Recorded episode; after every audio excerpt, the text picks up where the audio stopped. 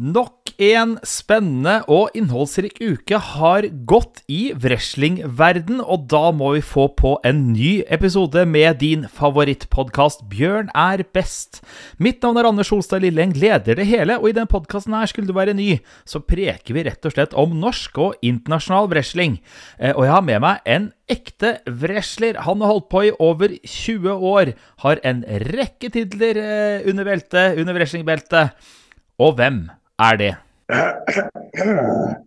Det er mannen som idet Anders begynte å snakke her nå, følte seg veldig gammel. For over 20 år, det er jammen meg mye. Og jeg har tatt imot mengder og lass med juling og bumps gjennom alle de årene. Og sist jeg tok imot uh, juling og bumps, det var nå på lørdag. Men mine damer og herrer, mitt navn er Bjørn Sem. Jeg pleide alltid å si Bjørn er best, og jeg er Bjørn. Og dæven døtte om jeg ikke fikk litt inspirasjon over meg igjen, og nå i helgen. I England, i Essex, så var Bjørn best igjen. Da gikk jeg mot en eh, motstander ved navn eh, eh, Mr. Dexter, eller Alex Dexter. Og eh, det var en eh, kamp som jeg gleder meg til å se på video. Men Anders, du eh, skulle til å eh, introdusere meg, noe du gjorde. Og så skulle du gå videre til eh, dagens emner, så nå skal jeg bare slutte å eh, bare fortsette og fortsette med å bable og bable og bable, noe jeg er altfor glad i. Og så skal jeg la deg få ordet lite grann. Du vet du, I dag så skal vi holde oss internasjonalt, eh, Bjørn. Vi skal starte i England. Vi skal en tur til USA, og så tror jeg vi skal ende opp i England igjen, England igjen i forbindelse med eh, ukas kamp. Men jeg må si, i helga så var jeg i, vi var på familietur i Danmark, i herlige København. Og så på søndag så går vi oss en tur før vi skal ta flyet hjem. Og da plutselig så oppdager jeg at rundt omkring i byen så henger det wrestlingplakater om et wrestlingshow som var da fredag og lørdag. Tenker jeg, fanken, det kunne jo sønnen min og jeg dratt på. Og så kommer jeg hjem, og da oppdager jeg at Dag Christian Gundersen var dommer på dette showet her. Så skikkelig irriterende at jeg ikke fikk med meg det. Ja, det skjønner jeg godt. Og eh, jeg har eh, fått høre Dag Christian snakke om eh, sine opplevelser som dommer i Danmark. Og han er veldig fornøyd og stolt over det. Så selv om jeg ikke har sett noen av showene til det selskapet, så har jeg hørt at det har vært veldig, veldig bra. Og vi har jo sett på noen av de danske talentene som har kommet over til Norge, at der er det høy kvalitet. Så eh, du skal ikke se bort ifra på et eller annet tidspunkt at vi skal se gjennom eh, noe av eh, de danske wrestlingshowene også, for å gi en vaskeekte, vaske kritikk av hva det er som foregår der borte. Fordi det virker som det er høy kvalitet på den skandinaviske wrestlingen som danskene for øyeblikket leverer. I Danmark så er det jo i hvert fall tre forbund. Så um, litt spennende kanskje å se forskjellen på hva de tre forskjellige forbundene leverer. Du, Apropos, du, før vi tar, vi tar, turen Danmark, og så går vi via Finland. Du, det, det, tenkte jeg skulle nevne forrige gang, tror jeg, så glemte jeg det. Slam Wrestling Finland de skal begynne å sende show på eh, Thriller TV, dem da, eller Fight. Det er tøft. Det, det stemmer, ja, ja, ja. Eh, absolutt. Og eh, Starbuck han har vært, vært, veldig flink til å eh, promotere, promotere, promotere for å få til å få mest mulig oppmerksomhet rundt Slam Wrestling Finland. Så eh, det kan være kjempespennende å se hva de får ut av eh, TV-produktet sitt. og eh, de gangene jeg har vært og wrestla for Slam Wrestling Finland, så må jeg jo si det at det har hovedsakelig vært en veldig høy kvalitet. Det er jo også derfor de har eh, fått meg over fra Norge, for å ha en veldig høy kvalitet. Så eh, ja, vi, eh, vi får se på forhandlinger fremover om det blir noen retur eller ikke for meg til Slam Wrestling Finland nå når de har et TV-produkt å presentere. Jeg vet at jeg er også veldig fornøyd med feiden mellom Starbucks selv og Sam Gradwell. Så um, Sam Gradwell han har jo kommet over um, fra um, fra uh, England eller Irland, jeg er ikke helt sikker. Så, men jeg har sett en del klipp av hva de har gjort mot hverandre, og det har sett veldig bra ut. Så mye spennende som skjer i de nordiske landene for øyeblikket når det gjelder wrestling. Um, jeg vet ikke, tar vi med Estland, eh, Latvia og Litauen i de nordiske landene? Egentlig ikke, eh, egentlig ikke men, eh, men, Finland har jo bånd til de baltiske statene, så vi unner oss det. Ja, det syns jeg vi skal. Fordi det er jo både Finland og Estland som Slam Wrestling har showene sine hovedsakelig. Og det var vel der også du hadde den her eh, triple threat-kampen, var det ikke det? Var ikke det Estland? Det stemmer det, som var i en av de tidligste episodene våre, som eh, jeg, til dags dato sier var en eh, svært bra triple threat. Eh, meg mot eh, Mikk Vainola mot eh, Heimo Ukonselke. Mm -hmm. til dags dato svært fornøyd med den kampen. Mm. Og Vil du se den kampen, så finner du den på YouTube. Eh, søk på Bjørn Sem, og da finner du alle de kampene som vi da har kommentert eh, her i Bjørn er best. Det var Danmark. Og så snakka vi om Finland, og nå skal vi til England, for du har vært i England i helga, Bjørn, og eh, slåss. Absolutt. Hertz and Essex Wrestling eh, eh, har jeg slåss for eh, promotor Sammy Nee. Og Eh, Sammy var eh, veldig misfornøyd med juleshowet som de hadde gjort. De hadde hatt fullt hus med publikum, men han, eh, hun syns ikke at eh, produktet var eh, bra nok. At kampene hadde levert bra nok. Så eh, Sammy viste det showet til meg, og jeg kunne titte gjennom kampene. Og jeg måtte jo absolutt si at Eh, det var to av kampene som ikke leverte bra nok. Det var en fatal four-way-match, og det var main eventen, som var en rumble-match. Og eh, da, da, da, blir det jo eh, litt synd når main eventen ikke egentlig leverer, og publikum ikke er fornøyde med main eventen. Så eh, det var eh, og resten av kampene var egentlig eh, alt fra helt ålreit til veldig bra. Um, eh, eh, Marco Marinelli hadde sin beste match mot eh, Brett Meadows, eh, som de to noensinne har hatt, iallfall som jeg har sett. Og de har hatt eh, ganske mange matcher mot hverandre. Eh, Brett Meadows eh, er et par, par hakk over Marinelli når det gjelder eh, kvalitet, men Marco er en flink wrestler. Det er også Brett Meadows. Og der satt det endelig en kjempebra match, og det var til og med en tittelkamp. Så Brett Meadows er eh, ny mester i eh, HEW. Eh, og eh, etter det skjedde, så eh, gjorde Sammy det helt åpenbart, før dette showet her eh, til og med, at på Living on a Prayer 20 så kom det til å være Brett Meadows i tittelforsvar mot meg. Eh, så um, det kom til å være Det var på en måte Sammys drøm om den største, største kampen som de kunne sette opp. De to største eh, og beste og mest erfarne wrestlerne i HEW for øyeblikket. Og um, Eh, ja, jeg gleder meg til det.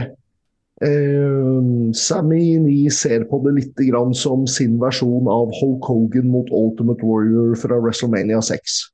Oi, Så, fett! ja, ikke sant? Det, referanse til din start der, Anders. Ja, veldig bra. Wrestling. Eh, men det var faktisk eksempelet som, som Sammy dro frem, ikke jeg i, i utgangspunktet. Nå refererer jeg til det Sammy sa. Mm.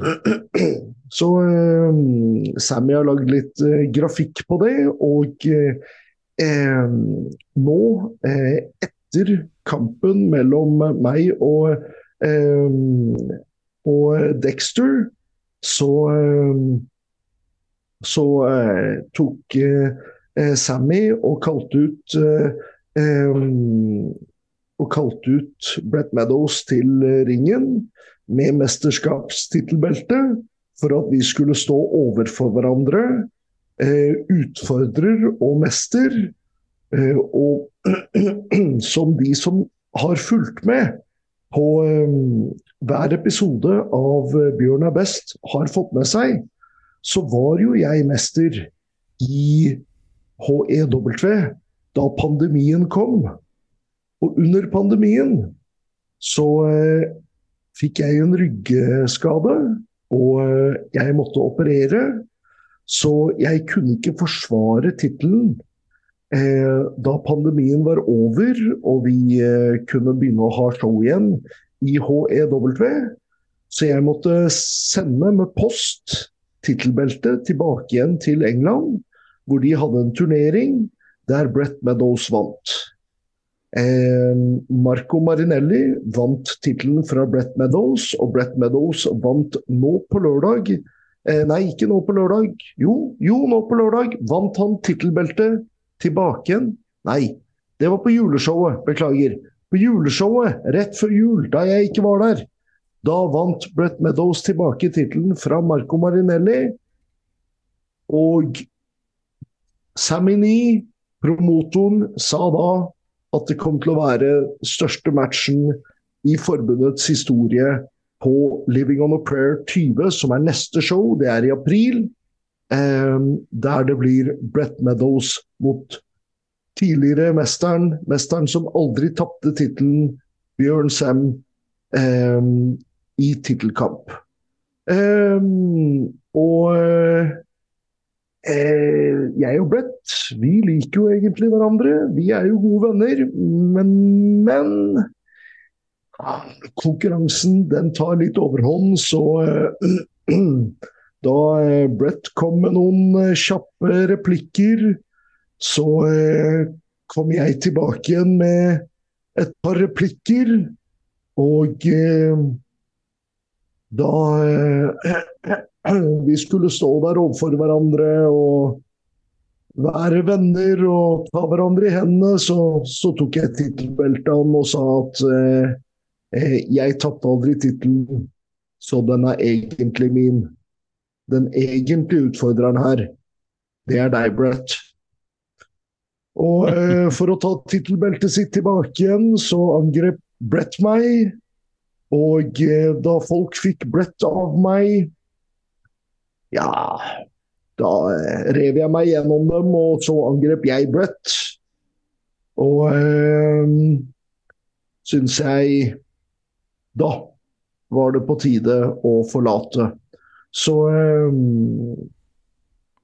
jeg forlot eh, Brett i ringen, illsint, mens andre, både wrestlere og funksjonærer, holdt ham tilbake igjen.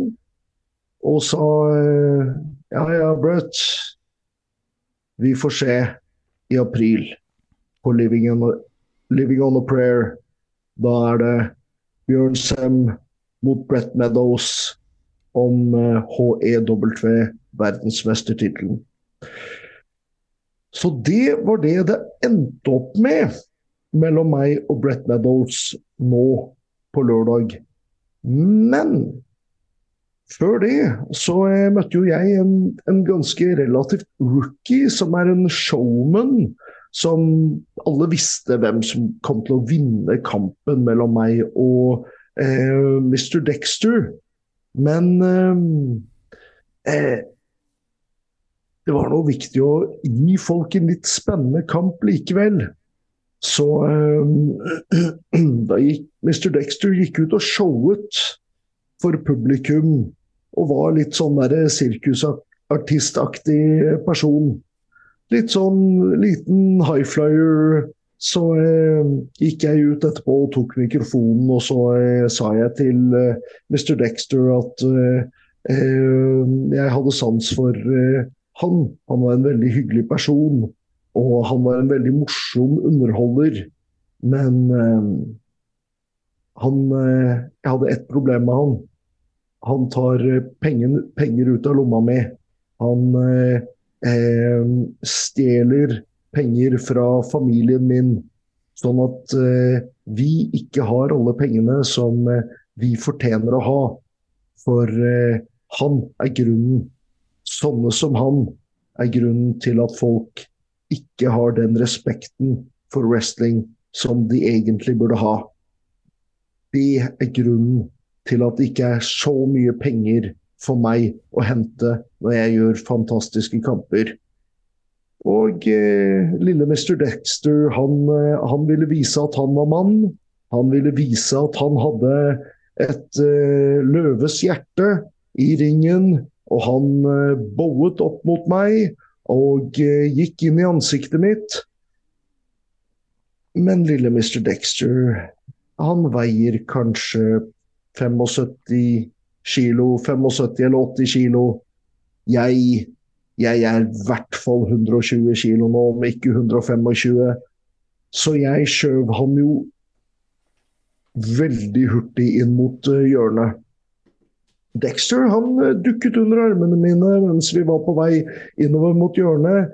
Viste at han var litt smidig og slo meg eh, så godt han kunne i ryggen. Men det hjalp jo ingenting, for han hadde jo ikke noe særlig vekt bak de slagene. Så eh, da begynte jeg å denge løs på eh, stakkars lille Mr. Dexter, som eh, ble kasta frem og tilbake i ringen som en tøydukke. Eh, og etter jeg hadde kasta Dexter frem og tilbake inn i ringen som en tøydukke, så hadde jeg Dexter nede etter en spinebuster. Og jeg kunne tydelig ha vunnet, men jeg dro ham opp. Og jeg viste frem en powerbomb istedenfor. Og så eh, la jeg meg oppå Mr. Dexter. Dommeren telte én, to, og så dro jeg ham opp igjen. Jeg tenkte at eh, jeg skal virkelig gjøre Mr. Dexter flat, sånn at han ikke kommer tilbake igjen i ringen. Så jeg klatret opp til topprepet, og mens jeg klatret opp til topprepet, så greide Mr. Dexter i smerter å rulle bort mot motsatt hjørne og prøve å dra seg opp og stable seg opp langs eh, ringrepene for å komme seg på beina og for å komme seg unna.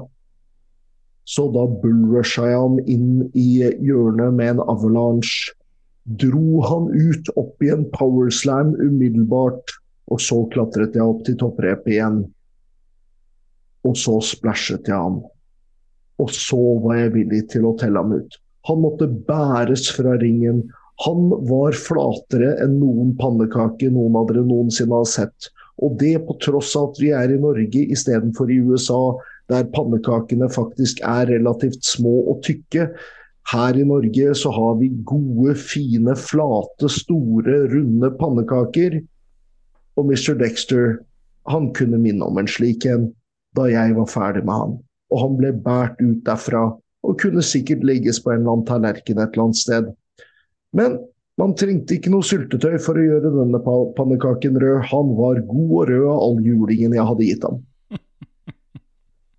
Så eh, det var det som skjedde med meg i eh, England. Men utenom hva det var som skjedde med meg, så var det også en mengde med andre kamper. Og hver eneste kamp denne gangen leverte varene. Det var et bra show fra ende til annen. Ikke det at jeg så alle matchene, men jeg var backstage. Jeg fikk med meg publikumsreaksjonene. Jeg fikk med meg hvem det var som gikk mot hverandre inn i uh, ringen. Og jeg skjønte hva slags dynamikk som kom til å foregå. Så jeg visste at showet var bra. Med unntak av main eventen. Fordi i main eventen så hadde man eh, Så skulle man ha en kvinnetittelkamp. Og de to kvinnene de møtte hverandre i en av de gode matchene på juleshowet. Og de møtte hverandre på showet før juleshowet, der jeg faktisk var også. Jeg var veldig imponert over hva de to damene gjorde mot hverandre i den kampen. Men mesteren dukka ikke opp. Sammy prøvde og prøvde på telefon. Jeg aner ikke hva det er som skjedde med henne, men hun var ikke Hun, hun, hun svarte ikke. Så Sammy satt der og hadde lovt en main event med de to. Og det var altfor kort tid til å få tak i en annen kvinne til å i det hele tatt gi en dame mot dame-match. Så hva skulle Sammy gjøre? Vel, han kunne ha satt meg mot den der bitte lille Mr. Dexter som var Alle visste hvem som kom til å vinne i en, i, som hovedmatchen. Men det hadde jo ikke skapt så veldig mye spenning i forkant til main eventen, og den hadde ikke vært så veldig lang uansett. Han kunne kanskje satt en av de andre kampene i main eventen, men det Sammy hun bestemte seg for å gjøre, det var at hun satte eh, Pesh, som skulle være utfordreren til kvinnetittelen, inn i en kamp. Fordi hun skulle jo få betalt, hun skulle være i main eventen, mot min tidligere motstander, Richie Delight. Jeg er egentlig ikke for at menn skal wrestle mot kvinner. Men jeg skjønner dilemmaet til Sammy Lee. Sånn som jeg sa til et par andre stykker backstage som også kritiserte avgjørelsen. Men hva hadde du gjort i den posisjonen? Og kampen, den ble bra. Det var en bra kamp. Tesh gjorde veldig bra arbeid for seg. Hun, hun, hun gjorde en formidabel jobb mot Richie Delight, eh, er hva jeg blir fortalt. Eh, så eh, Så da gjorde hun det beste ut av en dårlig situasjon. Og, eh, og eh, Sammy jeg har 100% forståelse for når du settes i en vanskelig posisjon. Jeg skal ikke kritisere eh, eh, å, Hun har til og med vært i eh, WWE en liten tur. Navnet sto stille for meg akkurat nå, Anders. Evner du å hjelpe meg på eh, enten hvem som skulle Er det den herre dog collar-matchen? Ja. Ja, da skal jeg Vet du hva, jeg er jo på Facebook, så jeg skal se om jeg klarer å, jeg jeg klarer å finne ut av det. Det var eh, Skal vi se, hva står det her? Oi, der kommer det musikk òg. Luna mot Ayesha. Ja, Luna er hun jeg kaller Tesh. Det er ja, bare hva vi kaller henne backstage. Ayesha står det her, da. Ser det ut som. Ja, Ayesha. Helt riktig. Ja. Mm. Eh, og Ayesha, hun eh, Eh, super, su super jente. Eh, svær monster. Men eh, Super jente, men jeg har ingen anelse hva det er som har skjedd. Mm. Så det, jeg håper ikke det er noe veldig ille. Men man kan ikke kritisere noen for ikke møte opp når man ikke vet hvorfor. Hva det er som har foregått. Eh, så Forhåpentligvis har hun en veldig god grunn, men som ikke er fryktelig. Eh, ja, jeg vet ikke hva jeg skal si for noe, men, eh, men showet eh, ble et veldig bra show. Eh, med litt selvfølgelig negativt å si om main eventen, fordi det var ikke den main eventen folk ble lovt. Men, men. Um, publikum virket vanvittig fornøyd, og um, promotor eh, Sammy Nee var over månen fornøyd. Og eh, alt, alle inntrykkene jeg har fått, har vært veldig positive. Og jeg vet at eh, jeg leverte varene. Så eh, jeg gleder meg til å se det, det showet på, eh, på YouTube etter hvert. Eh, for jeg tror ikke det er dårlig filmet, slik som det ene showet vi titta over var. Vi titta jo over et show for en stund siden som, hvor vi hadde gledet oss til å bruke en av matchene, eh, min match fra det showet, til HEW, eh, til eh, podkasten vår. Og matchen var fabelaktig, men filmingen var såpass dårlig at vi kunne ikke bruke den kampen. Mm. Um, jeg tror For filmingen var bra på juleshowet. Så jeg tror at filmingen kommer til å være bra igjen på eh, det showet som var på lørdag nå også. Jeg burde jo virkelig huske hva det showet het. Halloween. Halloween. Ja. Det showet som var på lørdag nå, het det Nei, Halloween? Det, det, det, som var på lørdag nå, var New Year Showdown, men det, det, film, det showet som var dårlig filma, det var vel Halloween? Ja, stemmer, stemmer. Mm. det showet som var dårlig filma, het Halloween, og det showet som var på lørdag nå, hvor jeg wrestlet mot Mr. Dexter, ja. det var uh, New Year's Showdown. Det høres veldig riktig ut. Og så skal dere altså møtes på Living on a Prayer 20, som da er da 20 Altså 20-årsjubileet, eller 20. gangen. Det er Living on a Prayer, og det skjer lørdag 13. april eh, på da Takeley Silver Jubilee Hall. Ja. Det blir, eh, det blir en ganske fantastisk eh, opplevelse. Og jeg håper jeg kan ta med den verdensmestertittelen eh, tilbake igjen til Norge etter eh, kamp mellom meg og Brett Meadows eh, denne gangen. Jeg har hatt med den tittelen tilbake igjen til Norge tidligere, og ja, jeg syns det hadde vært veldig kult å ta den fra Brett Meadows også. Forrige gang jeg tok den, så tok jeg den fra Joe Legend. Han som i WWE var kjent som Just Joe. Mm. Han var også i TNA en periode. Veldig flink wrestler, eh, men eh, ja. No, jeg, jeg, måtte definitivt ta den fra noen, og da er jeg jo fornøyd med å ta den fra en flink wrestler som akkurat Joe Legend. Det, det var en glede. Da er det altså eh, i Hva var det vi sa for noe? Det hadde vi jo fremme. Da er det altså eh, 13. april som det da blir Brett Meadows mot Bjørn Sem i England. Hvis du har lyst til å ta en tur til England, legg det da til den helga der, så får du med deg Bjørn Sem som wrestler i tillegg, og får da se om han tar med seg eh, verdensmestertittelen til HEV hjem.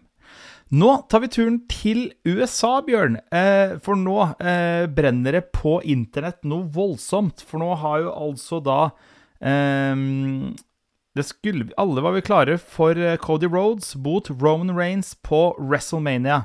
Eh, men nå ser det altså ut som at det blir Roman Rains mot The Rock. Hva tenker du om det?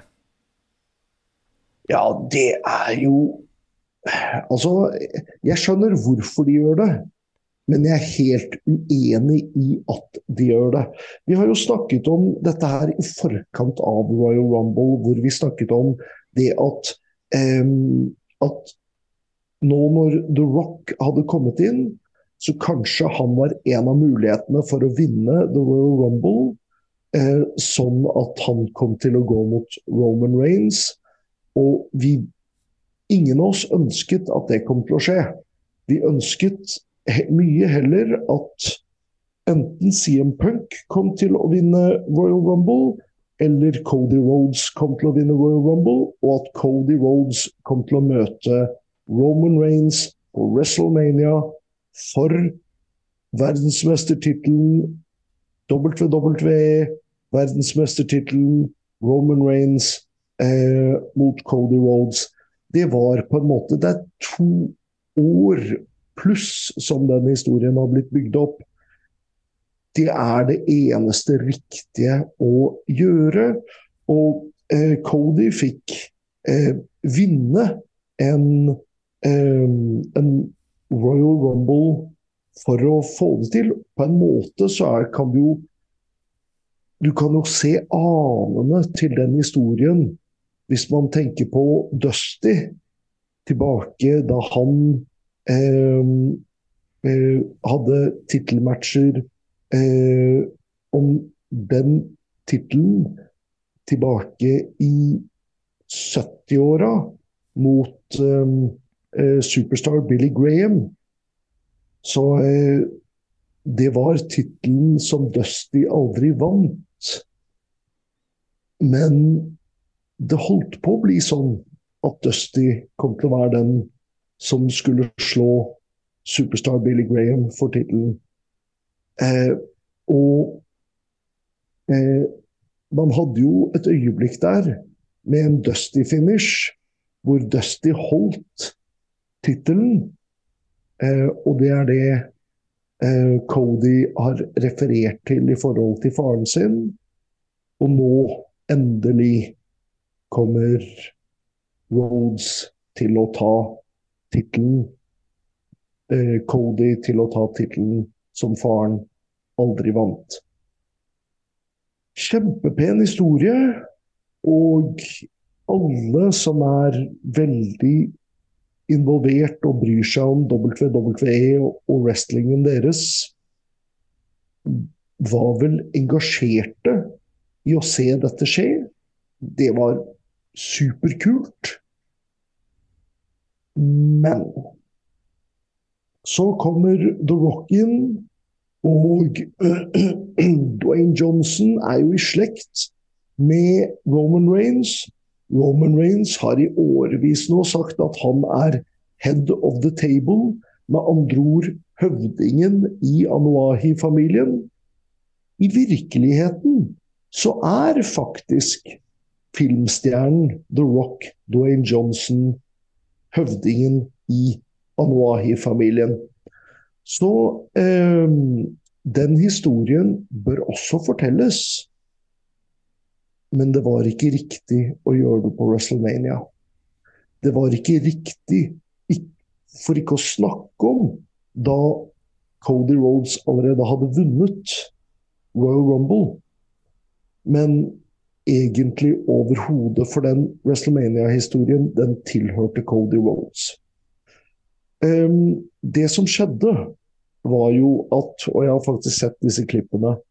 Eh, at eh, Cody Rhodes eh, ble konfrontert fra ringen av Seth Rollins, som er skadet for øyeblikket. Men man regner med at han kommer tilbake igjen til å kunne forsvare tittelen sin på WrestleMania.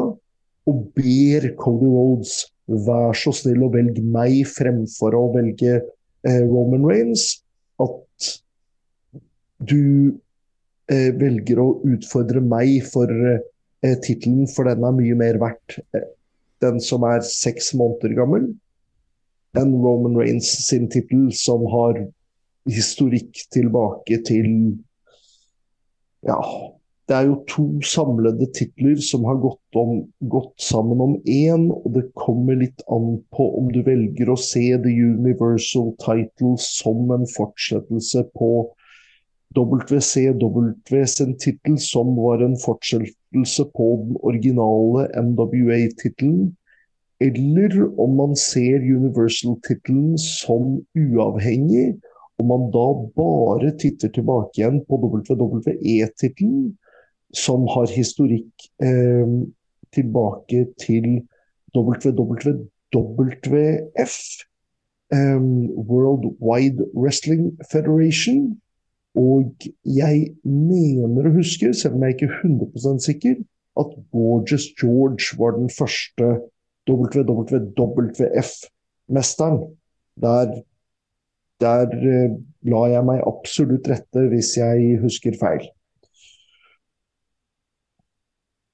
Men i hvert fall, her har vi stor, lang historikk.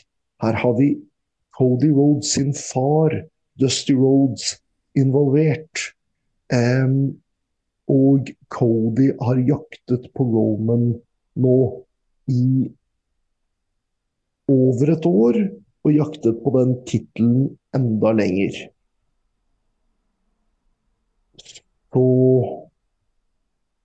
det Cody da gjør, er at han på neste show konfronterer Roman Reigns i ringen.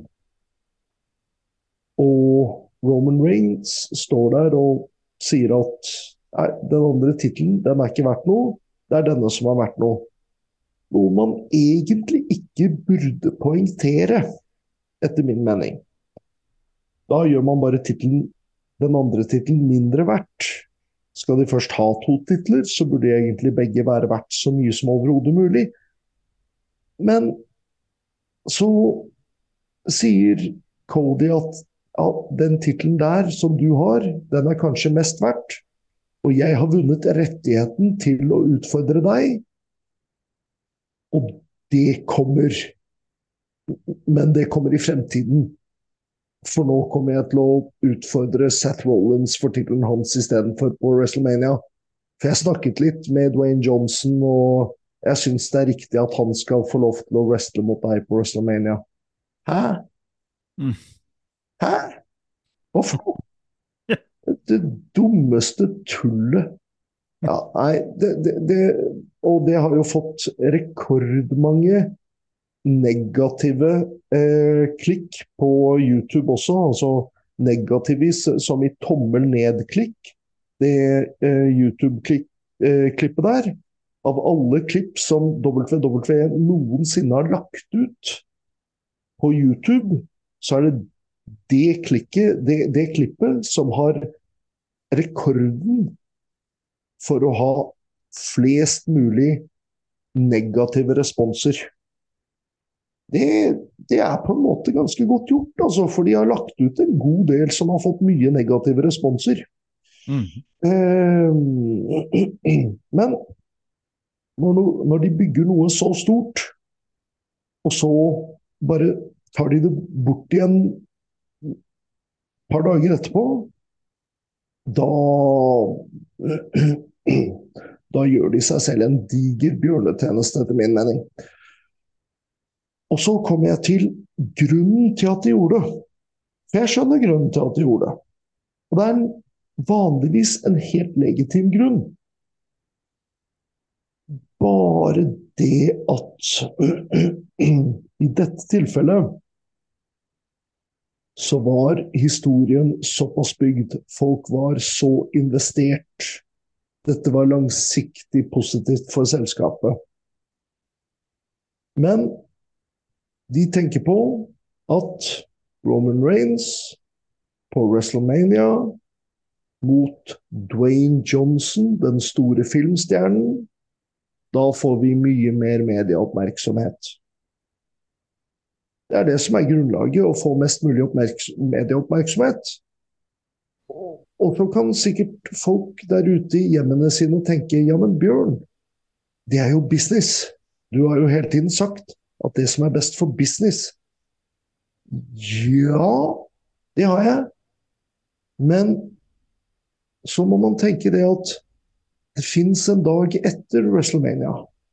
Det fins to dager etter WrestleMania. Det fins tre dager etter WrestleMania. Og hvis man hadde gjort ferdig den historien der, med Cody Rhodes mot Roman Reigns, hvor Cody Rhodes endelig vinner tittelen og kan løfte beltet som faren hans aldri vant på WrestleMania. Det er en fantastisk historie. Og så går Roman Reigns derfra uten å være mesteren lenger, men han er fremdeles head of the table. Han har fremdeles sine samoanske, sin samoanske familie Anuahi-familien som han styrer med jernhånd.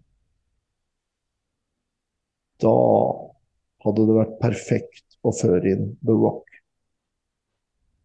Dwayne Johnson kunne utfordret Roman Reigns på SummerSlam.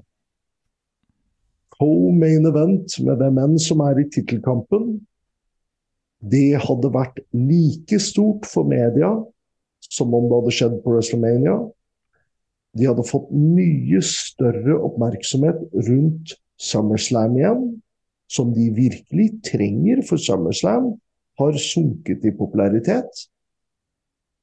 Og de hadde fått den kampen med akkurat samme oppmerksomhetsbølgen. Istedenfor å ødelegge en fantastisk historie som har engasjert folk enormt. Miste en god del fans på det. Miste en god del oppmerksomhet blant de som er kjempeinteressert. Og miste en god del momentum for Cody Rhodes, som for øyeblikket er den diskutabelt, men definitivt én av de sterkeste kortene deres når det gjelder popularitet hos publikum. Altså eh, LA Knight, CM Punk, Cody Rhodes Jeg tror ikke vi kan ta med noen andre i den eh, diskusjonen, egentlig. De er de tre mest populære, og så er spørsmålet egentlig hvem av dem er den mest populære. Så ja, jeg syns WW gjorde, en, gjorde seg en kjempebjørnetjeneste der. Og eh, fra ryktene jeg har hørt, så var det Dwayne Johnson selv som eh, pusha for dette her. Men jeg syns timingen hans er dårlig. Og hvorfor de trodde at de måtte redde WrestleMania med å putte The Rock inn i en main event, nei, det forstår jeg ikke. Det, er, det, det høres meningsløst ut.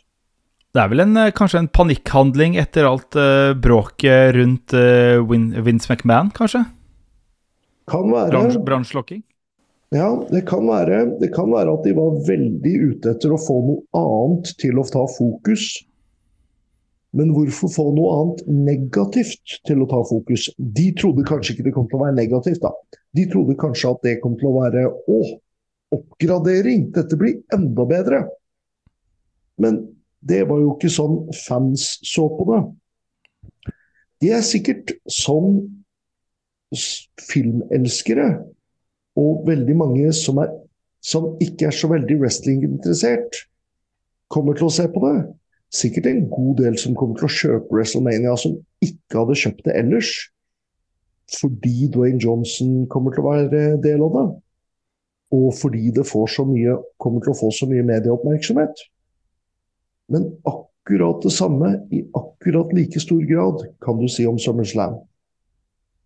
Du hadde fått da kanskje flere som, hadde, som er halvveis wrestlinginteresserte, som uh, som hadde kjøpt og fulgt med på SummerSlam. Kjøpt. Altså, nå er jeg litt gammeldags og tenker på det fremdeles som en pay-per-view istedenfor en premium live event. Nå er det jo ikke sånn at man kjøper hvert av de store showene for året lenger. Nå er det jo sånn at man kjøper en strømmetjeneste som man har over en periode, og så ser man de showene på den strømmetjenesten. Men likevel, altså Man er jo interessert i at folk skal kjøpe den strømmetjenesten. Man er interessert i at folk skal være enormt så engasjert som overhodet mulig i hvert av de store showene. Og den boosten til engasjementet til SummerSlam, den hadde de egentlig trengt.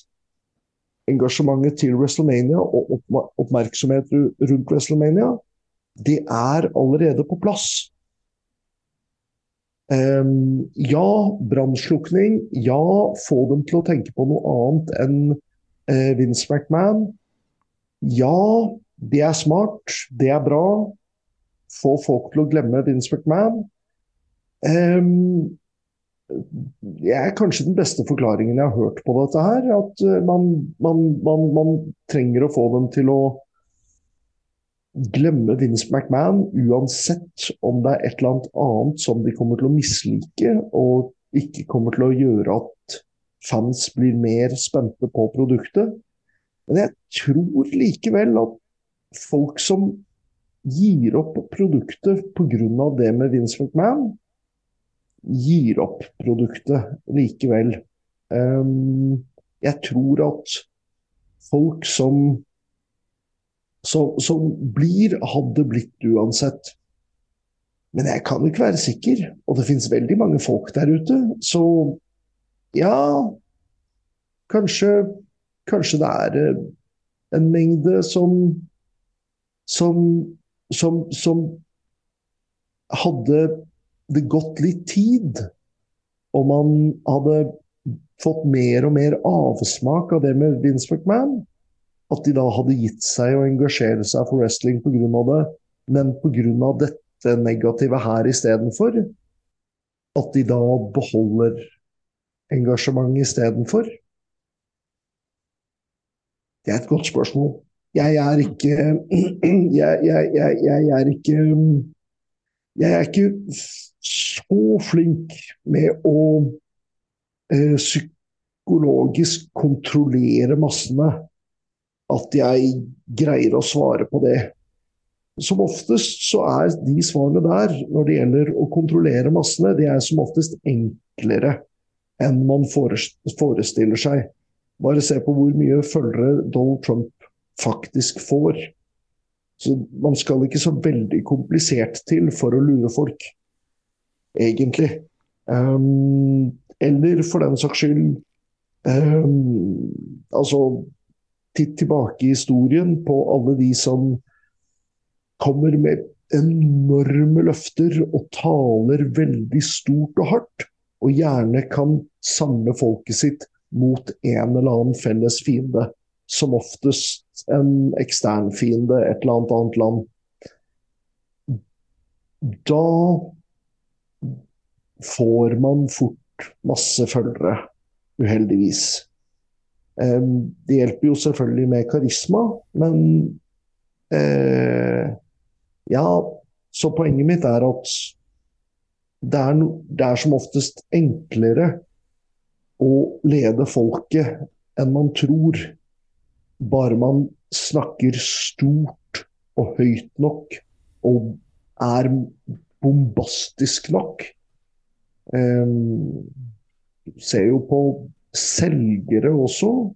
Uh, det er ikke så veldig kompliserte eh, triks veldig mange eh, kvakksalvere har brukt gjennom årenes løp. Men det har vært veldig mange som har levd enormt godt økonomisk sett av å være kvakksalvere. Åssen de sover om natta derimot, det er noe helt annet. Det, det er jeg ikke helt sikker på. Men ja. Eh, om de har gode eller dårlige liv, er ikke nødvendigvis 100% avgjort av hvor mye penger de har i banken. Spennende blir det i hvert fall. Eh, WrestleMania 40 er da lørdag 6. og søndag 7. april. Og da får vi svaret på hvordan det ble. Det er altså ganske eksakt to måneder til. Eh, fra når det her spilles inn. I dag er det 5. februar, så det blir iallfall spennende å følge videre. Men denne her eh, Alle reaksjonene på YouTube, alle tomler ned. Så det var ca. 70-75 tomler ned. Det var det siste tallet jeg så. Det tror jeg kanskje ikke WWE hadde sett for seg. Det blir spennende å se. Du, nå skal vi til eh, vi, neste sak. Vi skal nærme oss eh, ukas kampbjørn. Og det er jo sånn her i eh, Bjørn er best at vi ser en av kampene til Bjørn. Men, men, men der var vi innom en ting, Anders, som jeg ja. syns er litt sånn interessant. Fordi vi har vært innom akkurat den der med at Netflix mm. de begynner å sende Raw. Det har vi vært innom før. Det har vi snakket om før. Ja. Men um, siden WWE da legger ned WWE Nettverk, mm. så var det en ting jeg ikke tenkte på da vi snakket om akkurat eh, det. For jeg var jo bekymret for all den gamle wrestlingen jeg mister. Eh, det at jeg ikke lenger får se på gamle eh, NWA og eh, Mid-South eh, eh, TV-program og, og, og eh, veldig mye av de gamle, store showene derfra. Men hva med premium live-eventene, sånn som WrestleMania? Sånn som SummerSlam, sånn som um, Survivor Series, Royal Rumble til neste år. Hvordan får vi tilgang på dem, Anders? Det har vi ikke fått svaret på ennå. Altså, avtalen sier vel Raw, er det avtalen sier. sant? Den sier ikke noe om Smackdown, og ikke noe foreløpig, så vidt jeg vet, om eh, premium live events. Så det blir jo spennende hva som blir løsninga. I, USA så er det vel Peacock som har avtalen. Det stemmer. Ja, Men det hvordan det blir her, det foreløpig, har de foreløpig ikke sagt noe om. Ikke sant? Fordi det de da gjør, hvis ikke de vet noe mer enn oss, og det gjør de helt sikkert Men eh, ut ifra den informasjonen vi sitter med i dag, så blir det mye større tilgang på Raw for folk over hele verden. Fordi det er flere folk som har Netflix på nåværende tidspunkt, enn som har kanaler som viser Raw. Eh, så det blir mye flere som får tilgang til å se Raw. Og Raw kommer jo selvfølgelig også til å bygge opp til de store showene som f.eks. WrestleMania. Men hvis ikke Netflix får tilgang på dem, og det ikke er noen tilgang for folk som da ikke har Peacock, eh, som er en ting som er ut ifra hva jeg har forstått innenfor Amerika, hvordan får vi da jeg skjønner det at det finnes masse ulovlige tjenester rundt omkring, og det sikkert kommer til å være muligheter sånn sett, men på en lovlig måte. For jeg er ganske lovlydig av meg, faktisk. Hvordan skal vi da få tilgang på, eh, på, på de eventene som de uansett bygger opp på Netflix? Det, det virker jo litt sånn ufullstendig fra Netflix sin side at de da har ukentlige program som bygger opp til et stort event.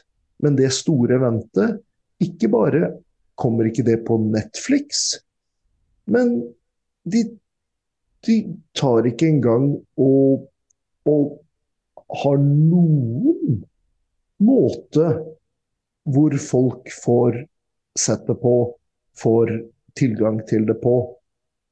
Det, det må jo være litt sånn eh, demotiverende for eh, alle de som følger med på eh, Netflix Raw hver uke, tenker jeg. Det er spennende. Det er fortsatt uh, ti måneder igjen til det her slår, uh, slår ut, så vi får bare krysse fingra for at uh, de har en plan på akkurat det greiene der. Hva som skjer med um, Smackdown og NXT og, og alle premium live events. Det er jo ikke verre egentlig enn at de også legges ut på Netflix. Mm. Det er, ikke, det, det er ikke verre enn det, men jeg har ikke hørt noen annonseringer på det. Så jeg håper virkelig at det skjer. Og hvis det skjer, så er det jo også større mulighet for at de begynner å legge ut noe historikk. Mm. Og det er jeg like interessert i. Mm. Men vi får se hva det er som skjer. Jeg skal ikke komme med altfor høye forhåpninger, fordi da blir jeg som oftest bare skuffa. Og så må jo da dag tillegg denne Netflix-sida må jo kraftig endre. Jeg skjønner ikke hvordan de skal få putta alt innholdet inn i Netflix så det blir lett å finne. Det grubla jeg på da jeg gikk rundt omkring i Danmark. Eh, der er jo eh, Network kan være litt kronglete akkurat når du kommer inn, og så plutselig så løser det seg ganske greit når du begynner å søke videre. Eh, det blir spennende å se hvordan Netflix løser det der, hvis de skal dekke mer enn Raw. Ja. Mm. Åssen er det grensesyntheter kommer til å bli da? Det må jo endres kraftig, i hvert fall. Den som lever, får se. Eh, og nå skal vi se en kamp her i Bjørn er best. For vi ser denne kampen til Bjørn hver uke, og så kommenterer Bjørn og tar oss gjennom den kampen her. Og den kampen eh, Jeg har plukka kampen denne uka her.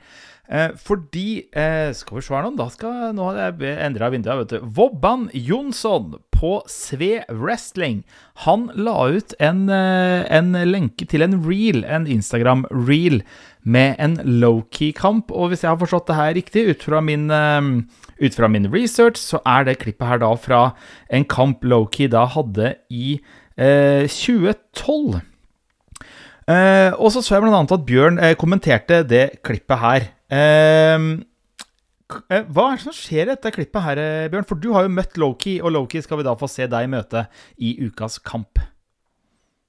Ja, jeg har wrestlet mot uh, Loki, og uh, i det klippet som jeg kommenterte, så gjør uh, Loki en av sine sparkvarianter, hvor han egentlig gjør Han stuper kråke inn i å gjøre et spark på motstanderen sin.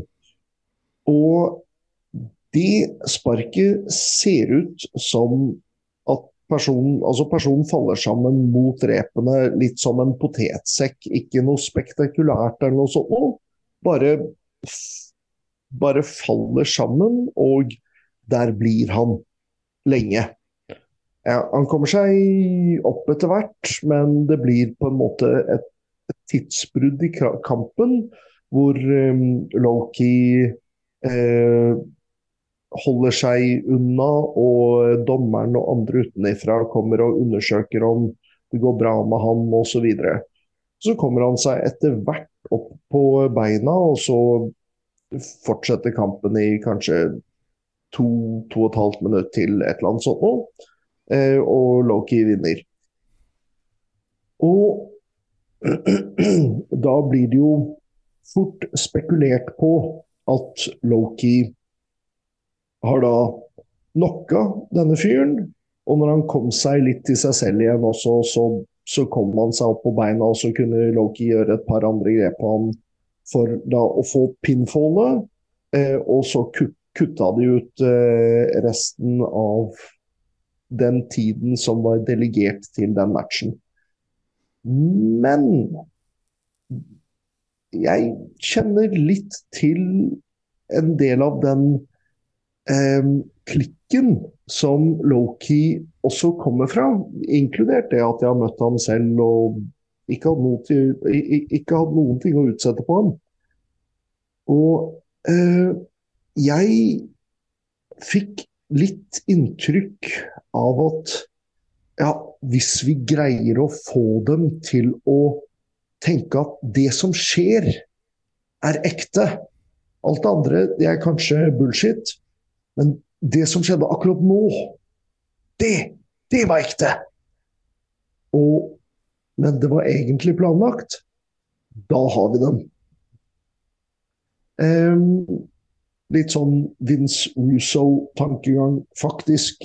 Det var veldig stygt sagt mot Loki. Jeg, jeg, mente det ikke så stygt, altså. Men, men, men, for å ha en sammenligningsbarriere her, så um, han var jo veldig kjent for det å, å, å hele tiden komme inn med mye eh, snakkesegmenter hvor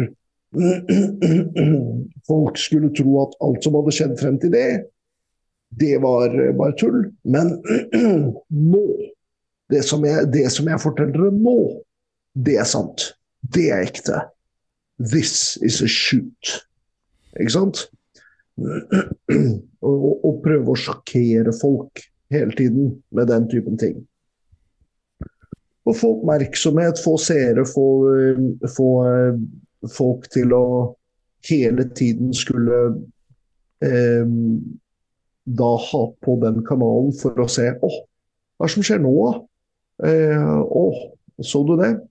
Så, så eh, det er litt den typen tankegang. For øvrig, Vince Russo var inspirert i sin tid av, eh, av um, uh, Jerry Springer Show.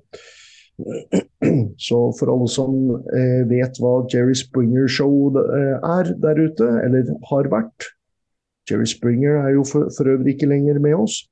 Men for alle som visste hva det var, så var sikkert det jeg nettopp sa, veldig morsomt. Men, men. Sitt her. Eh, Vince uh, Russo uh, sin strategi, ja, men på en mye smartere måte. Sånn, disse personene med Christopher Daniels, Low-Key, Helix Skipper, um, Jerry Lynn, um, eh, AJ Styles, den, den eh, Kazarian eh, Den klikken der av, av mennesker eh, var veldig opptatt, iallfall en stund var de det, av å få, få det sjokket på plass. At folk trodde at ja, å shit, nå var det blitt en ekte kamp. Istedenfor bare at uh, de, de wrestlet og uh, at det var samarbeid. Og jeg kan ikke med 100% sikkerhet si at det var det som skjedde i denne kampen her. Absolutt ikke. Det kan jo være, alle kan bomme en gang. Kan være at Loki bommet, og at den, uh, det sparket traff altfor hardt. Og at det var helt ekte at fyren sank sammen som en potetsekk. Men inntrykket jeg får, er at dette var planlagt. Eh, fra eh, Lokis side, og at han fikk med seg motstanderen på at de skulle gjøre en greie ut av dette her for å få oppmerksomhet.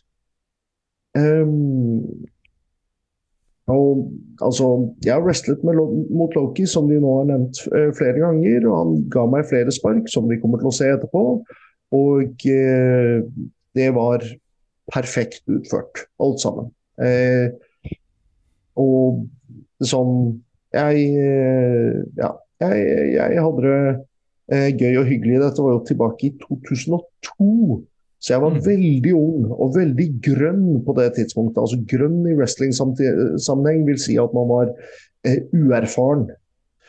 Um, så eh, det, det, blir jo veldig gøy å se igjen. Eh, men um, jeg, jeg,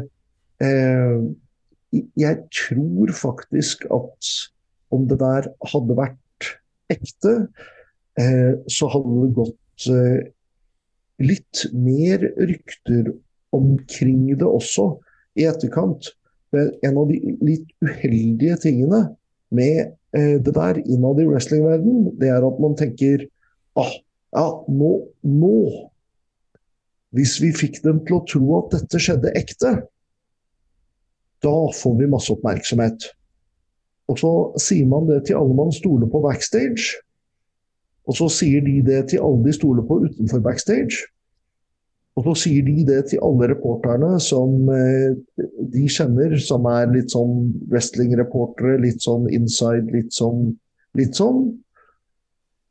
Og det er ikke det at reporterne da ikke eh, er til å stole på og kommer til å skrive sannheten. Det er bare det at da kommer ikke reporteren til å skrive den sjokkerende nyheten at denne fyren ble knocka på ordentlig i kampen heller. For de vet at det var ikke det som skjedde. Og da får de jo ikke noe særlig oppmerksomhet når alle reporterne sitter der og ikke gir det noen oppmerksomhet. Så ja. Eh, det er mine teorier eh, om denne kampen. Eh, jeg får bare beklage om jeg tar fullstendig feil. Hvis det er noen av dere der ute som snakker med denne motstanderen som Loki hadde, så kan dere jo ta kontakt og si ifra at han sa dette var 100% ekte, og han har fremdeles eh, merker etter de brukne bena ved, i, eh, ved siden av øyet. Så ja, ja, da biter jeg gjerne orda i meg. Det er ikke noe problem overhodet. Um, Loki menneske som har enorm evne for å være eksakt. Um, jeg, jeg, tror aldri jeg har møtt et menneske med så hårfin um, evne til å um, gå nærme streken, men ikke over streken. Så, så det er også en av grunnene til at jeg er At jeg mistenker at uh, uh, det er slik jeg sa det var. Men igjen, altså Han er også bare menneske. Jeg er også bare menneske. Og mennesker, vi kan bomme den derre ene gangen. Um, Wilhelm Tell er jo kjent for å skyte eplet av hodet på sin sønn um, under press. Uh, jeg hørte en annen historie en gang om en annen uh, bueskytter som hadde blitt lagt under akkurat samme press. Jeg vet ikke om historien er sann eller ikke, men han ble lagt under press for å da skyte det var sikkert ikke et eple, men et eller annet lignende, noe eh, av hodet på eh, sin sønn. Og eh, han eh, ba om eh, mer enn én pil.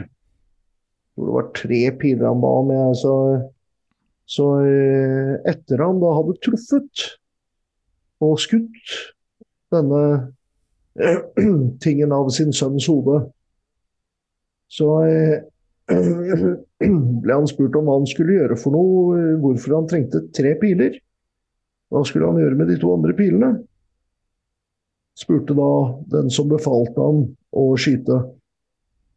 Nei, eh, de andre pilene, de var til deg. For hvis jeg hadde bomma og drept sønnen min, da kom, kom jeg jammen til å drepe deg òg. Så eh, ja. Det Eh, ja, det, det, er en historie jeg har hørt. Jeg, jeg har ingen anelse om den stemmer eller ikke. Men uh, den virket veldig logisk for meg. Skal vi se. Da skal vi bevege oss til ukas kamp, altså, som er mellom Bjørn Sem og Loki. Eh, og vet du hva, jeg måtte se litt på det, Bjørn. Du debuterte jo eh, her oppe i Trondheim, i Dødens dal, 18.10.2001 på det første Eller det var det første wrestlingshowet i Norge. Ja. Det, jeg debuterte før det. Jeg debuterte faktisk i Danmark i april det året. Ja. I 2001. Og den kampen vi skal se nå, den er da fra 13. juli 2002.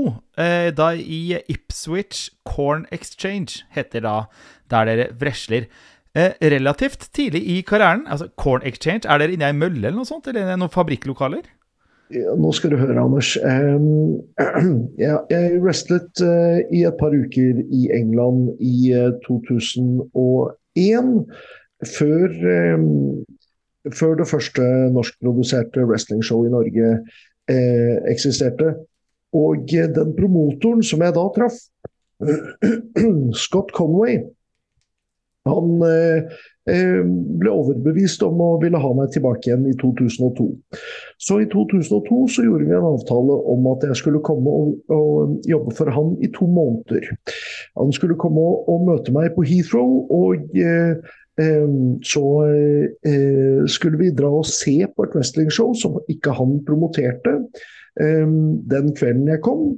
Og så eh, dagen etterpå så skulle jeg begynne å wrestle for han. Ehm, for det var første showet hans eh, da, på det tidspunktet, eh, etter Altså den, i den sommerferien. Når jeg kommer frem til Heathrow, så ser jeg ikke noe Scott Conway. Så jeg får, eh, finner tak i telefonnummeret hans og ringer han og spør hvor han er hen. Nei, nei, det var så mye som skjedde eh, bort på eh, Ipswich eh, Corn Exchange, der kveldens show skulle være. Så han måtte være der og hjelpe den eh, helt ferske promotoren som holder på å sette opp det showet. Å ja. Ja vel, OK. Um, uh, hva skal jeg gjøre for noe, da? Nei, bare kom deg hit. Og for øvrig, kan du jobbe i kveld? Uh, oi, ja, ja, jeg kan jobbe. Ja, jeg kan wrestle i kveld, det er greit.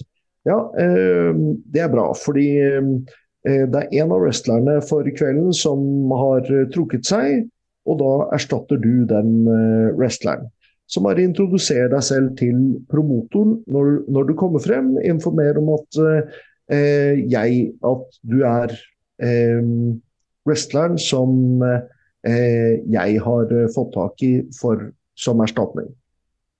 OK. Ja vel. Så Jeg fant snodig nok veien min til Ipswich Corners Corn Exchange fra Heathrow. Jeg hadde ingen anelse overhodet, og det var, eh, det var, det var veldig komplisert. Men heldigvis så greide jeg det, for jeg spurte jo absolutt alle og enhver. Eh, kom jeg til Ipswich Corn Exchange, eh, som var et eh, ganske stort bygg. Ganske stor arena, faktisk. Om det noensinne var korn eh, lagret der, eller hva i verden som skjedde der Eh, i forhistorien, det aner jeg ikke, men bygget var stort. Så um, kom jeg da eh, inn og ble jo fortalt at jeg kunne ikke være der inne, for der skulle det være et wrestlingshow, men jeg var velkommen til å komme tilbake senere og kjøpe en billett. Nei, nei, nei, jeg må snakke med promotoren. Jeg er en wrestler, og jeg har blitt kalt inn som erstatning for den som trakk seg fikk meg til å vente en liten gang og hentet da promotoren. Og eh, promotoren kom eh, bort til meg, og eh, jeg hilste hyggelig på han. Han virket ganske hyggelig, og eh, jeg forklarte situasjonen, at jeg skulle være erstatningsfesteren Og han tittet veldig rart på meg. Titta opp og ned. But, but, but you're not a lightweight. Og på norsk betyr det men, men, men du er jo ikke lettvekter. Jeg måtte jo svare nei. Can you become a lightweight by this evening? Kan du bli lettvekter inne i kveld? Eh, nei. Nei, det kan jeg ikke. All right. We'll give you the stick. You come up with some reason why you, as a heavyweight, are in a lightweight tournament. Good luck. Så jeg fikk beskjed om å ta mikrofonen og eh, ha en eller annen grunn hendig for at jeg som tungvekter skulle være i en lettvektsturnering. Så jeg tok mikrofonen, fersk som jeg var, og fortalte publikum eh, der ute at uh, vi fikk en invitasjon til denne turneringen til å ha vår beste lettvekter fra Norge til å være i um, denne wrestlingturneringen. I Norge er vi vikinger, ikke lettvektere. Jeg er Norges beste wrestler, så jeg er i denne turneringen. Det var min forklaring. Um, og eh, motstanderen min Jeg var i åpningsmatchen, og motstanderen min, det var Lowkey. Og det skal sies, eh, på cage match så står det at eh, Lowkey er da 1,73 og 80 kilo. Eh, så betraktelig lettere enn det du var da på det tidspunktet der. Definitivt. Selv om jeg var eh, ikke i nærheten så tung som vi har sett i en god del tidligere kamper på det tidspunktet. For jeg var ganske, jeg var ganske ung på det tidspunktet, men fremdeles. Jeg var jo noen og 30 kilo tyngre enn ham. Ja, og ikke en lettvekter. ikke lettvekter, nei. Du, jeg titta jo på det her Ipswich eh, Corn Exchange. Det er jo et prakt, ser ut som et praktfullt eh, bygg når man eh, sjekker ordentlig. Eh, så da skal vi ta turen dit, vi. Eh, det vi gjør her i, i Bjørn er best, er at du går inn i episodebeskrivelsen, og der finner du en lenke til ukas kamp på YouTube. Og så må det sies at uh, lyden uh, er ganske heftig på dette klippet, så bare skru det av. Uh, og det er kommentator med mikrofon skrudd opp til 11. Så bare skru lyden av på YouTube-klippet, så skal du få ordentlig kommentering av Bjørn. Så det gjør du nå. Du går inn i eh, episodebeskrivelsen og trykker på ukas kamp. Da regner jeg med at du har gjort klar YouTuben din med Og det står da Bjørn Sem mot Senshi. Eh, het han da tydeligvis på det tidspunktet her, eh, Bjørn? Eller het han det bare i England? Nei, han, han brukte det navnet en liten periode også, men eh, eh, jeg lurer på om ikke det var det navnet han brukte da denne videoen kom. Eh, ja.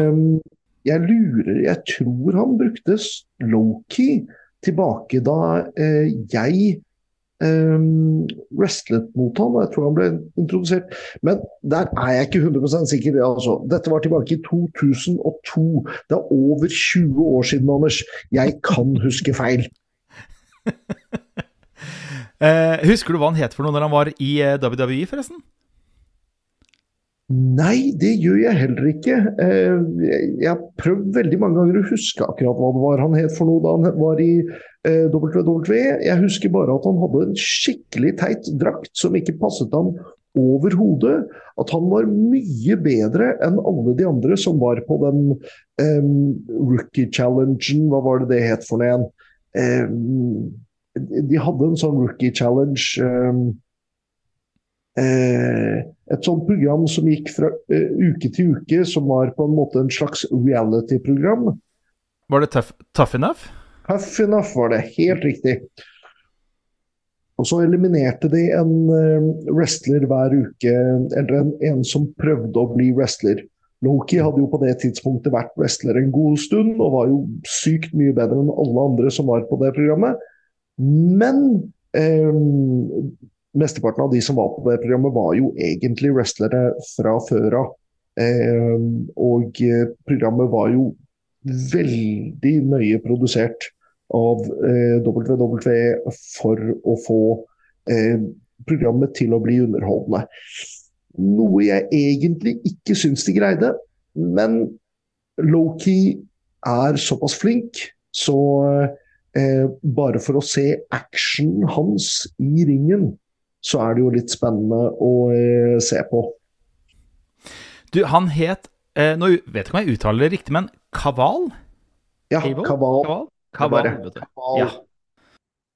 I alle granskauene I alle granskauer hvorfor de kom på et sånt navn, det har jeg ikke peiling på. Men Eh, altså, Poenget til WWE er jo at de vil eie rettighetene til navnet. Sånn at mm. eh, vedkommende ikke kan nyte godt av det etterpå på egen hånd. Eh, eh, hvis eh, vedkommende splitter fra WWE, så vil de eie rettighetene når de først har vært med på å lage vedkommende til en stjerne.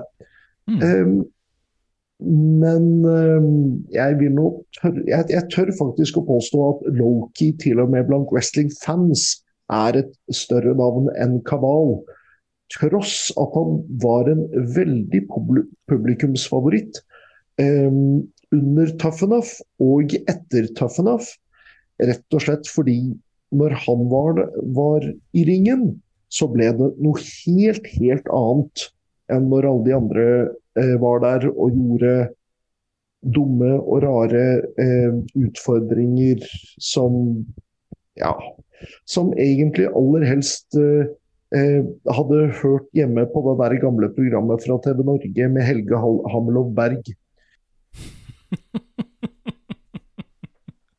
Altså, det, ja, det, det, var sånn derre reality-show som man mest skulle egentlig tro var sånn eh, at eh, Ja, hvem er villig til å melke kuen? Et eller annet sånt noe som, som for det meste ikke hadde med wrestling å gjøre overhodet.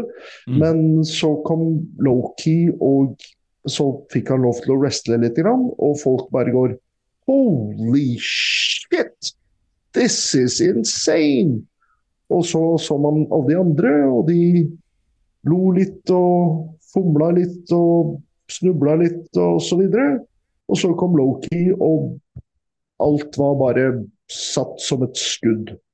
Mm. Eh, så ja eh, han, han, har Han har sin helt egne stil, men han han minner lite grann om eh, Brian Danielson, som i WWE het Brian Daniels. Er du, er du enig med meg, eh, Anders, eller? Du, jeg husker ikke Kaval, så nå skal vi ta oss og se den. Så kan vi ta oss og se det, Bjørn. Da drar vi eh, inn i YouTubens verden, og så ser vi Loki, eller da Senshi, som han het på det tidspunktet her. Det er på Bjørn Sem mot Senshi på YouTube, altså. Jeg håper at du har funnet det fram. Vi gjør det sånn her ved at jeg teller tre, to, én, play. Og på play så trykker du play. Da teller vi ned tre, to, én, play. Og da er vi altså opp i Ipswich Corn Exchange. Steve Linsky er dommer, står det her. Og vi skal få inn en wrestler Ja, Steve Linsky, der har vi G GBH. Og det, Bjørn, hva var det det betydde igjen? Grievous Bottledy Harm. Yes. Det var det den promotoren eh, kalte meg. Eh, Scott Conway. Og eh, jeg hadde eh, Nei, det var senere faktisk eh, eh, på den turen som jeg var i England da. Jeg var i England i ca. 1 12 måned. Senere på den turen så eh, wrestlet jeg faktisk mot Steve Linsky. Han var både dommer og wrestler. Ja. Eh, og der ser vi Loki på vei inn til eh, ringen. Jeg tror alle kan eh, skjønne hva jeg sier med at han har en veldig spesiell stil. Eh, og spark fra Loki. Han er jo bygd fantastisk. Men alle ser størrelsesforskjellen, noe jeg tydelig utnytter meg av når jeg dytter ham inn i hjørnet. Kveler ham, og så følger opp med et par eh, store eh, forearms. Bommer et spark, og Loki kommer med eh, chops og slag. Er, er han så stiff som han ser ut? Nei. Absolutt ikke. Det, han er fantastisk på å få det til å se ut som han er stiff. Han er ikke stiff overhodet. Men uh, folk kan jo titte på dette her. Dette er vel det uten tvil det eldste vi har vist hittils av uh, matchene mine. Og man kan se at uh, jeg har utviklet meg som wrestler i etterkant. På tross av at jeg ikke er misfornøyd med det jeg gjør i ringen her. Og her kommer lyskestrekket, som jeg allerede hadde på plass på det tidspunktet. Men på det tidspunktet så sto jeg høyere opp på låret på motstanderen eh, enn det jeg gjør på nåværende tidspunkt. Jeg har perfeksjonert det mer i etterkant. Og en eh, camel clutch hadde inspirasjon fra eh, gamle Iron Sheik et par sekunder. Og et elbow drop til eh, korsryggen hans for å følge det opp. Så det er ganske rask eh, actiongående her. Og en standing suplex. Morsomt med kommentatoren eh, her er at han kommenterer at eh, jeg gjør både snap-suplexen og standing-suplexen, og han tar det skikkelig mot eh, at jeg eh, fornedrer England, siden eh, Dynamite Kid var kjent for eh, snap-suplexen, og eh, Davy Boy Smith var kjent for standing-suplexen. Så eh, kommentatoren syns at jeg eh, gjør mitt aller beste i å være fornedrende overfor England. Ja, frem, matchen går jo frem og tilbake. Og en spinebuster fra meg. Og man ser Loki vrir seg i smerte. Og jeg blir sur på Steve Linsky fordi det ikke var tre. Eh, Steve Linsky husker nok ikke det lenger nå. Det gjorde ikke jeg heller. Og jeg gjør dropkick på lowkey. Vet ikke helt om det var det beste valget jeg kunne foretatt meg, fordi jeg er jo mye større enn han. Men, men. Jeg var jo i og for seg Jeg gjorde et dropkick på Loki kan man iallfall si. Jeg gjorde en bra slam på Loki også. Så dette var jo litt før jeg skjønte hvor mye man burde henvende seg til publikum. Og her kommer de heftige sparkene fra Loki. Og eh, de tror jeg faktisk Loki videreutviklet av, at eh, jeg tok dem.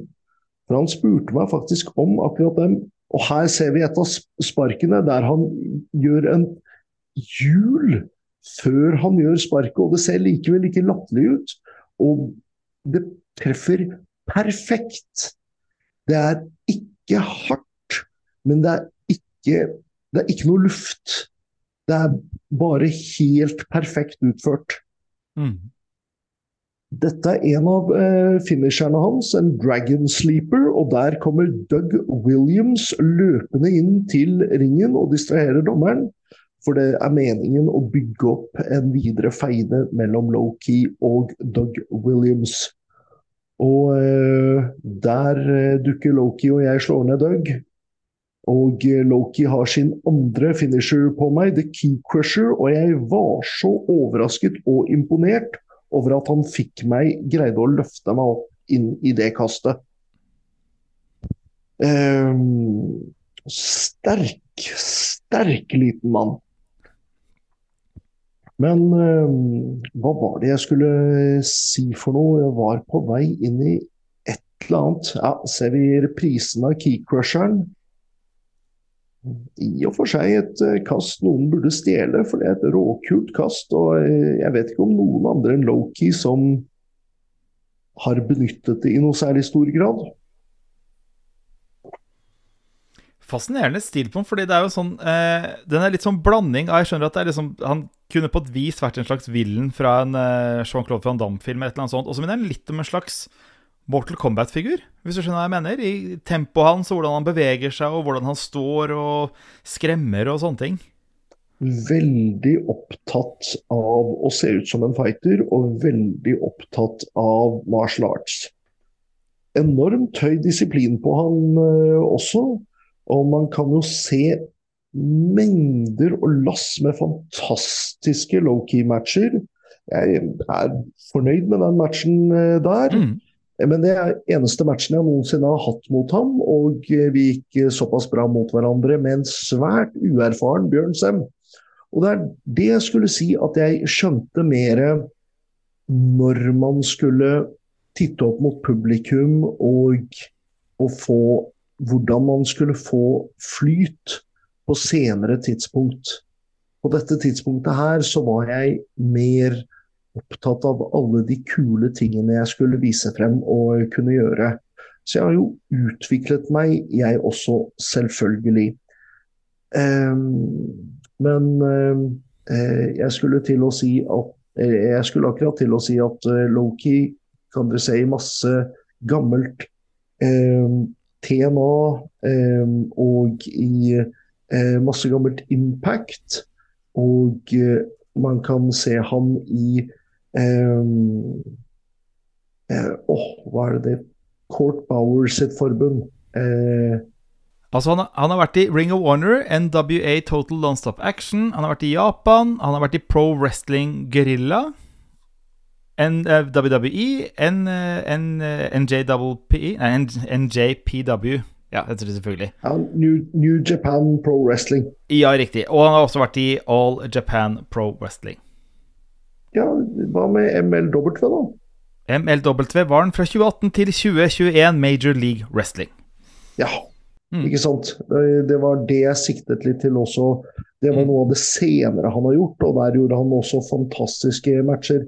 Men altså, eh, jeg har jo selvsagt ikke sett alt han har gjort alle steder, men jeg har sett mye av hva han har gjort mange steder. Og eh, jeg kan ikke huske å ha sett en rett og slett dårlig low-key-match. Jeg kan huske å ha sett en match hvor jeg hadde hatt høye for, høyere forventninger, og det var en triple threat lad ladder match. Mm. Eh, han var i en gang, eh, men eh, det finnes jo selvfølgelig dårlige low-key-matcher. Alle har hatt en dårlig match en gang. Men eh, low-key, fantastisk wrestler, anbefales på det sterkeste. Um, og uh, han har litt sånn halvdårlig uh, rykte på seg her og der. Jeg snakket med Steve Corino om ham, og um, Steve Corino liker jo ikke Loki personlig i det hele tatt. Uh, mens jeg hadde jo kjempesans for ham ut ifra det lille jeg jobbet med ham, som vi nettopp så. og Men som Steve Corino, han, han, var, han, han, var helt grei på at vi hadde forskjellige eh, syn på eh, Loki. Og, og, jeg kommer også veldig veldig godt overens med Steve Corino. Eh, Corino. Så eh, eh, de er noe Ja, sånn, sånn er det bare. Mm. Så jeg tror at WWE kunne gjort store ting med Loki, men eh, frem til eh, Danny O'Brien og eh, til og med ikke da skjønte de det før publikum nærmest presset igjennom. Så skjønte de verdien i å kunne benytte en så fantastisk liten mann. Um, ja, altså titter tilbake igjen til f.eks. hva de gjorde for noe med Taz. Hva de fikk Taz. Taz var jo fantastisk, men han var ikke utseendemessig det Vince McMahon så på som stjernepotensialet, og han var ikke en karakter som WWE hadde skapt, eller WWF på det tidspunktet. Um, og uh, det samme gjaldt egentlig veldig mange andre eh, fantastiske wrestlere som rett og slett var små. Men, og, og, og, jeg er helt enig i at man skal ikke behandle store og små wrestlere helt likt. Man skal reagere på størrelsesforskjellene, men det gjør det også helt fantastisk når man har en Mighty Mouse eller en Ray Mysterio eller noe sånt som kan utfordre de store, og da får vi David mot Goliat, hvor det blir spennende. Og de fleste som er på Davids størrelse, når Goliat kommer ravende gjennom mengden, og noen utfordrer ham, så burde jo Goliat feie dem av banen og vinne, vinne, vinne. Men så har du han ene, da. Han ene som stikker seg ut. Han ene som er så fantastisk, tross størrelsen. Han som har eh, evnene til som, som, som er eh, guddommelige, og samtidig har et hjerte som, som er motet fra en annen verden. Og da har man en spennende historie. Når man har en sånn David mot en, en, en Goliat, som f.eks. meg. Um, og, eh, eller for den saks skyld en eh, Roman Reigns, f.eks. Ja, altså Cody Rhodes mot Roman Reigns er litt David mot Goliat. Ikke det at Cody Rhodes er en spesielt liten mann, men Roman Reigns er en veldig svær mann.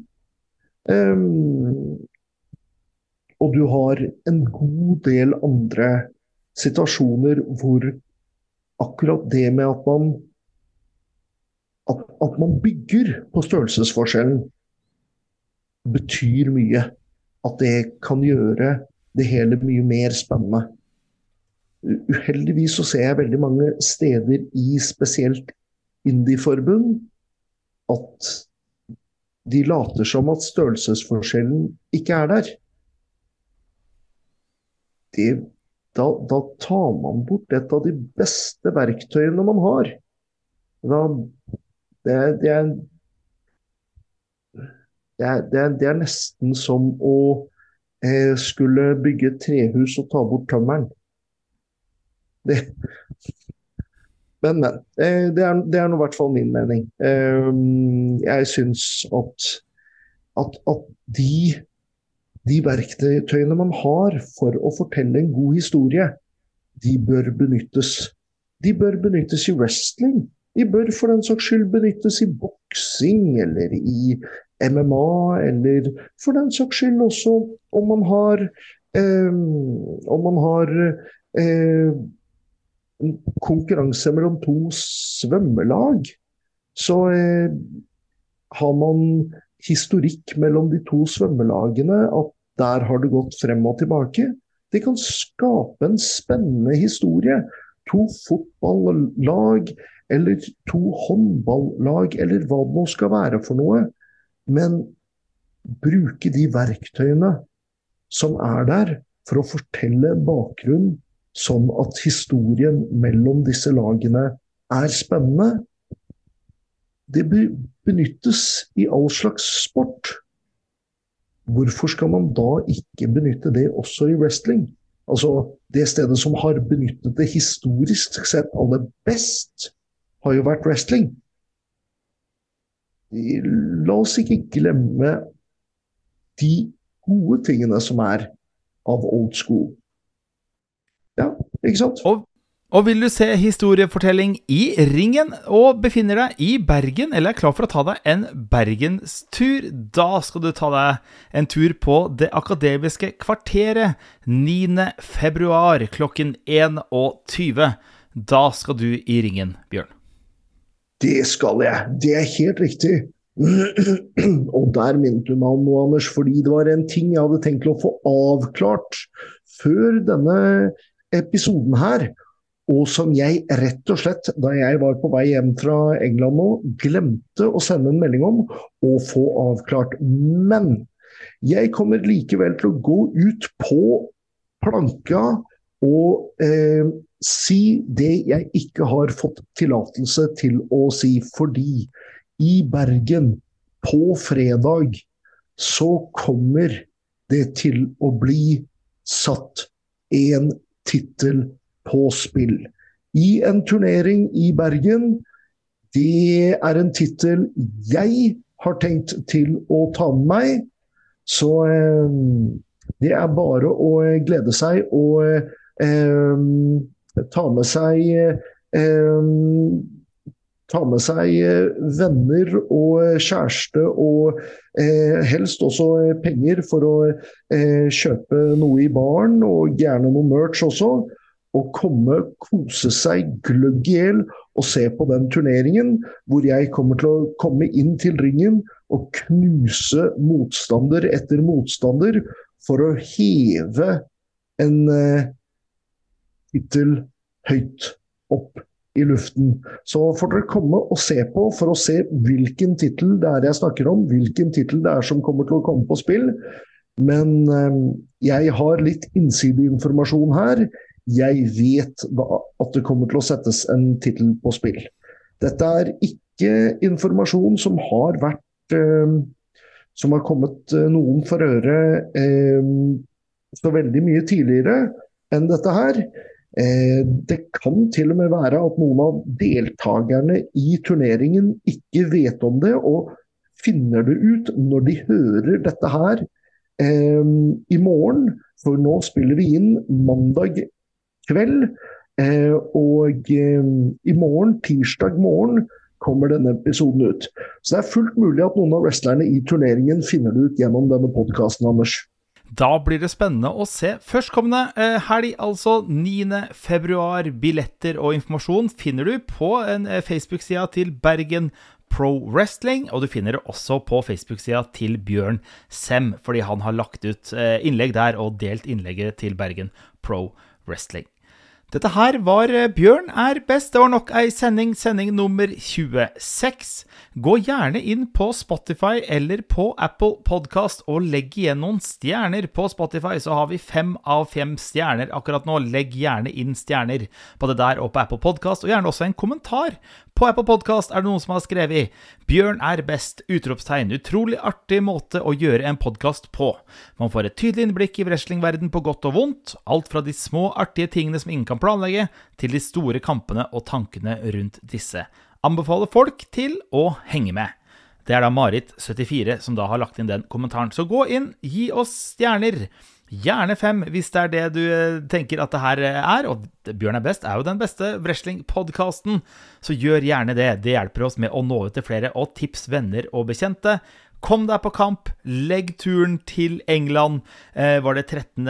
april for å se Bjørn i riggen der mot Brett Meadows. Og så er det bare å glede seg til en vår full av masse deilig wrestling. Og Bjørn, du skal få avslutte sendinga denne gangen her også. Ah, tusen takk, Anders. For en fantastisk melding fra Marit. Den satte jeg enorm pris på. Så Marit, du må sende oss en ny melding, for jeg vil vite hvem du har lyst til å se at jeg går i ringen mot. Jeg kommer til å si til ledelsen i Norges Wrestlingforbund akkurat hvem du foreslår å ha i kamp mot meg, og så får vi se etter om vi får til akkurat dette her, Marit. Så vær så snill, send oss en melding. Jeg er enormt interessert. Med det sagt nå på fredag Da, mens Anders nyser kommer alle i Bergen til å vite at Bjørn igjen er tilbake. Bjørn er tilbake i Bergen. Bjørn er tilbake i ringen. Og Bjørn er best igjen. Bjørn har alltid vært best i Bergen. Det vet dere. Nå snakker jeg spesifikt til bergenserne, for de har vært og sett på meg i Bergen. Og de som ikke har vært og sett på meg, de har hørt om det. For det går gjetord i Bergen om hvem som er best. Så kom og se på, for da kommer det endelige slaget om denne tittelen til å stå. Og etter det kommer jeg til å forsvare den på show etter show etter show etter show i Bergen, for det er ingen i Bergen, ingen i Norge, ingen i Europa som kommer til å ha evnen til å slå Bjørn i Bergen. Og mitt navn er Anders Holstad Lilleng, og vi prekas!